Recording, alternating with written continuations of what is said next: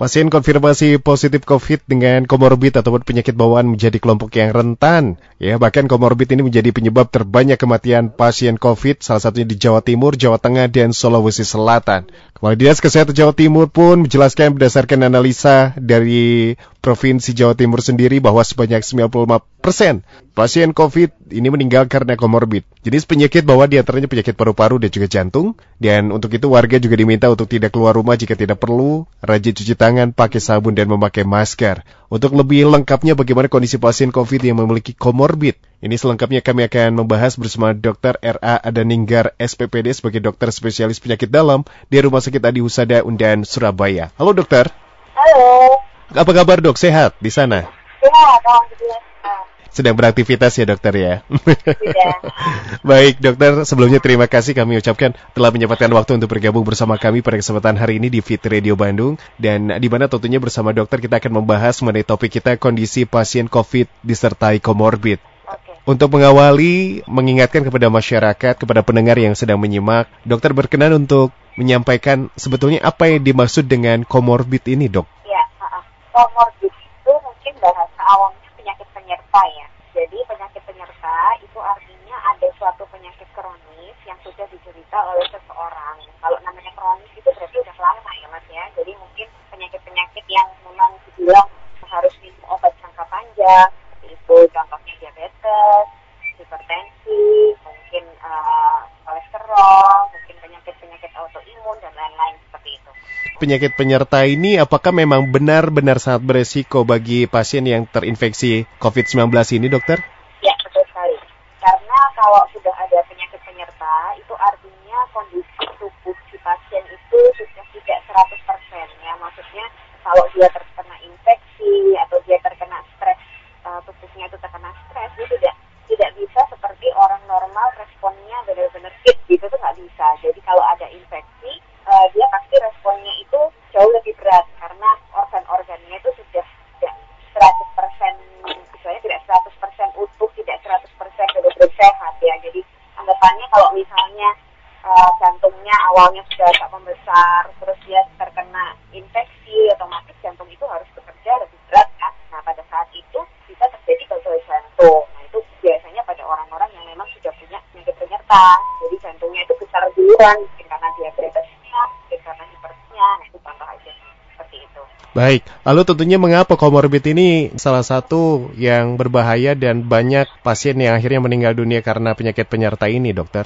Ya betul. Ya sebetulnya eh, penyebabnya ya tetap ya mas. Karena gini, kalau orang punya penyakit penyerta itu kalau tidak ada sesuatu hal yang akut itu dia tidak perlu opname di rumah sakit. Jadi banyak ya orang diabetes itu juga jalan-jalan. Banyak orang hipertensi kalau memang tensinya stabil-stabil aja, gula gulanya stabil aja dia bisa jalan-jalan seperti orang normal. Hanya butuh minum obat aja. Tapi kalau sesuatu hal terjadi misalnya ada infeksi itu yang sering menyebabkan orang-orang dengan penyakit penyerta ini harus dirawat di rumah sakit memberikan perawatan tambahan dari tenaga medis. Nah, kalau sampai meninggal, yaitu memang yang memperberat adalah infeksinya. Jadi sebelum zaman COVID juga mereka juga banyak yang meninggal karena infeksi-infeksi lain seperti kalau diabetes, luka, infeksi, ya meninggalnya karena infeksinya. Kalau misalkan memang tentunya dalam kondisi saat ini, yang mungkin dokter juga menangani di Surabaya juga, menurut pandangan dari dokter sendiri ini bagaimana eh, kondisi dari pasien di khususnya di Indonesia atau mungkin di Jawa Timur Eh, banyak yang memiliki kondisi penyakit penyerta yang sudah terinfeksi COVID ini, dokter?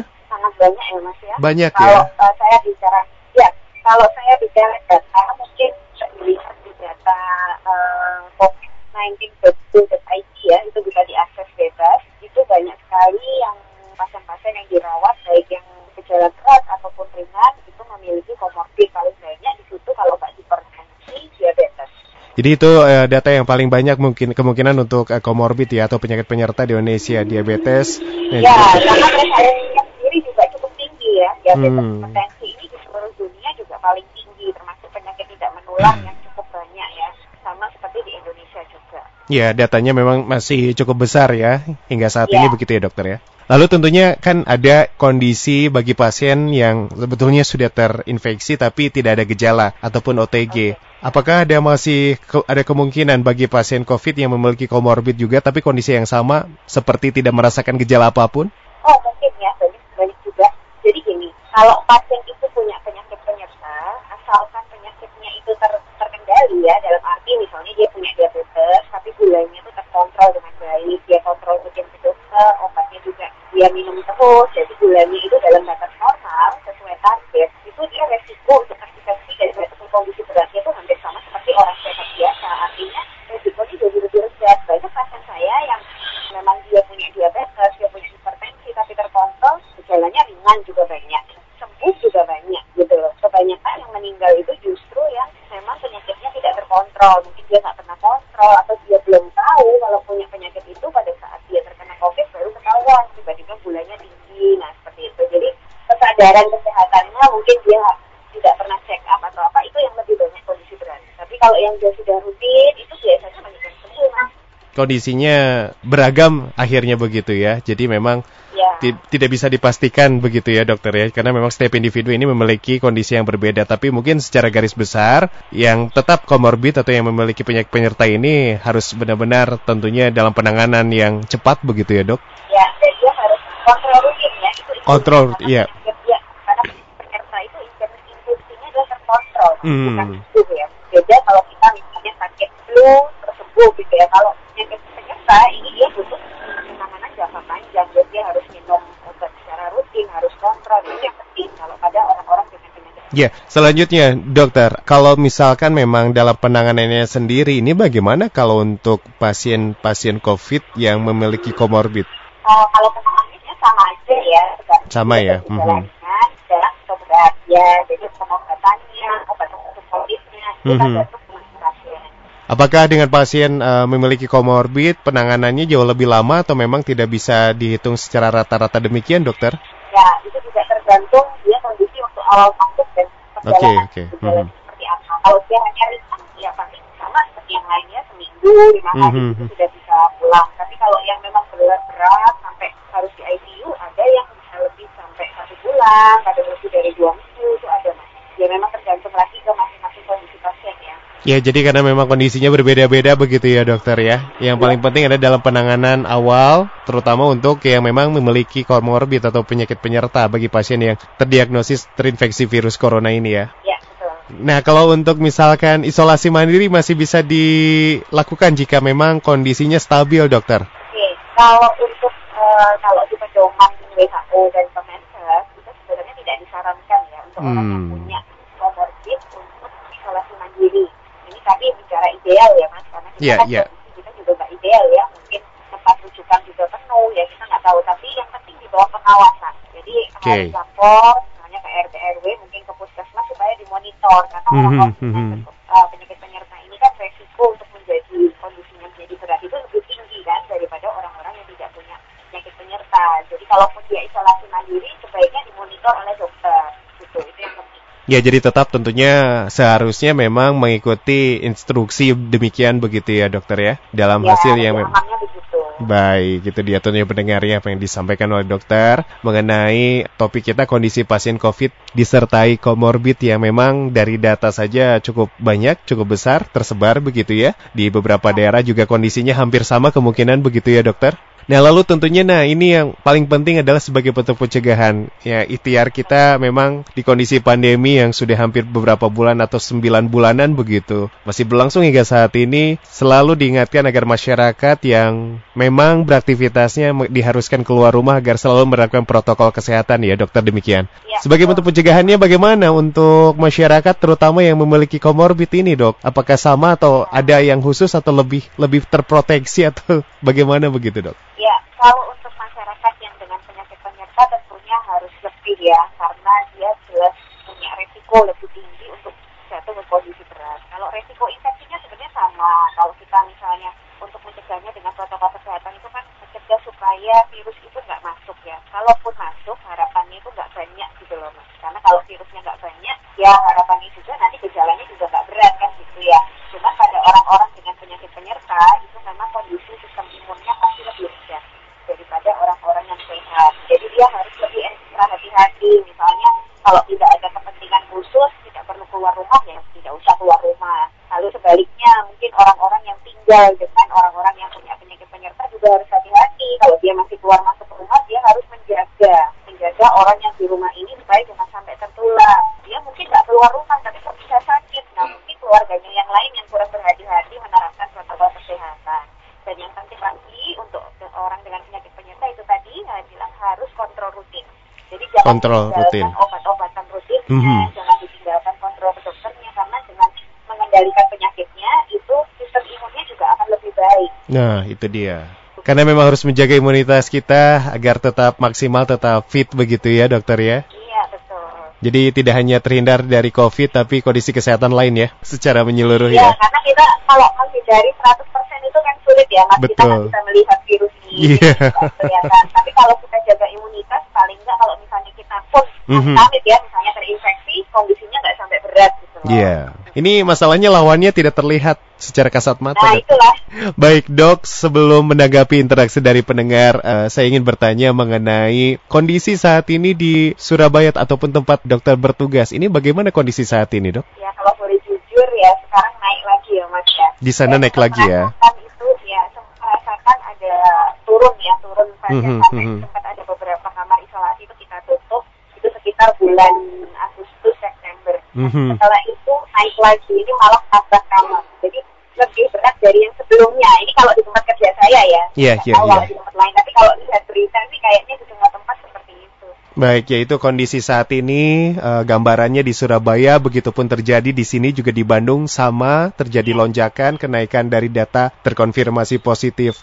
Ya. Ini kita ada interaksi dari pendengar sudah masuk melalui WhatsApp. Ada Ibu Tia di Cimindi. Eh, seperti apa biasanya buat pasien yang terkonfirmasi COVID tapi punya komorbid? Apa penyakit bawaannya dulu yang diobati atau ditangani? Atau seperti bagaimana biasanya penanganannya, dokter? Ya, harusnya dua-duanya ya. Biasanya kalau ada infeksi, itu pasti penyakit komorbidnya juga eh, tiba-tiba itu berat lagi. Jadi misalnya sebelumnya dia gulanya cuma sekitar 200 gitu ya. Tapi kalau kena infeksi tiba-tiba sudah jadi 500. Itu wajar karena adanya infeksi itu akan meningkatkan seluruh metabolisme kerja dari tubuh kita. Apalagi kalau yang gulanya sudah seperti itu tingginya, dengan adanya infeksi dia tambah lebih tinggi. Ya, kita Hmm. obati dua-duanya.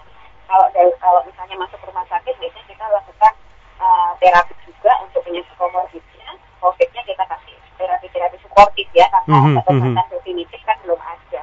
Jadi kita kasih suportif, misalnya bantuan nafas, Iya. bantuan uh, ya untuk imunitas, seperti itu mas. Jadi harus ditangani bersamaan. Ya itu, Eh, Ibu Tia sudah ditanggapi, jadi memang dalam penanganannya semaksimal mungkin secara bersamaan dua-duanya, komorbid dan juga ya infeksi COVID-nya langsung ditangani sesegera mungkin. Ada Pak Yudi di Arca Manik, ini bagaimana tanggapan dokter terkait vaksin Sinovac saat ini yang katanya mulai akan disuntikan? Apa pasien dengan komorbid ini juga nanti akan diprioritaskan atau apakah dengan pasien komorbid ini nanti ada efek samping begitu yang bisa terjadi?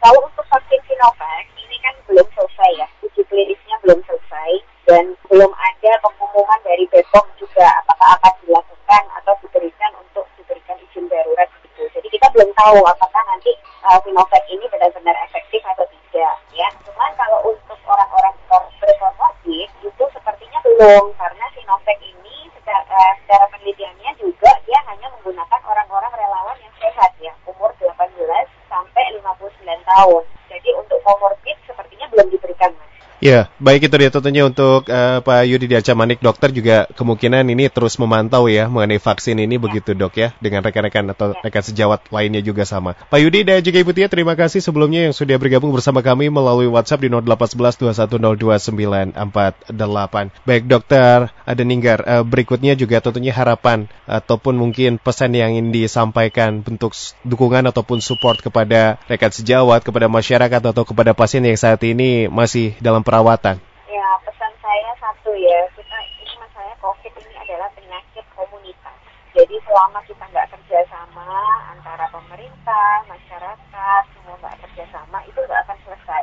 Ya, jadi kita butuh kesadaran, kita butuh mengalahkan ego kita, kita bu- butuh kerjasama, memikirkan orang lain juga ini saatnya ya. Jadi eh, pesan saya sih untuk yang sedang sakit atau untuk tenaga medis yang sedang berjuang tetap semangat ya kita capek semua semua pasti merasakan pengen selesai kondisi ini ya mas ya tapi ya itu tadi kita butuh uh, kerjasama bersama-sama jadi kalau misalnya uh, masih ada yang tidak kooperatif itu agak sulit. Karena penyakit ini tidak hanya melulu dari satu orang saja. Mungkin dia tidak apa-apa misalnya nggak pakai protokol kesehatan tapi dia menulari orang lain. Ya jadi nggak selesai-selesai ya karena hal-hal seperti itu. Ya pesan saya tetap lakukan protokol kesehatan. Yang bisa kita lakukan sesuai porsi kita ditentukan itu aja ya. Sama selalu berhati-hati dan waspada. Closing statement yang disampaikan silakan dokter. Closing statement oke okay, ini karena terkait komorbid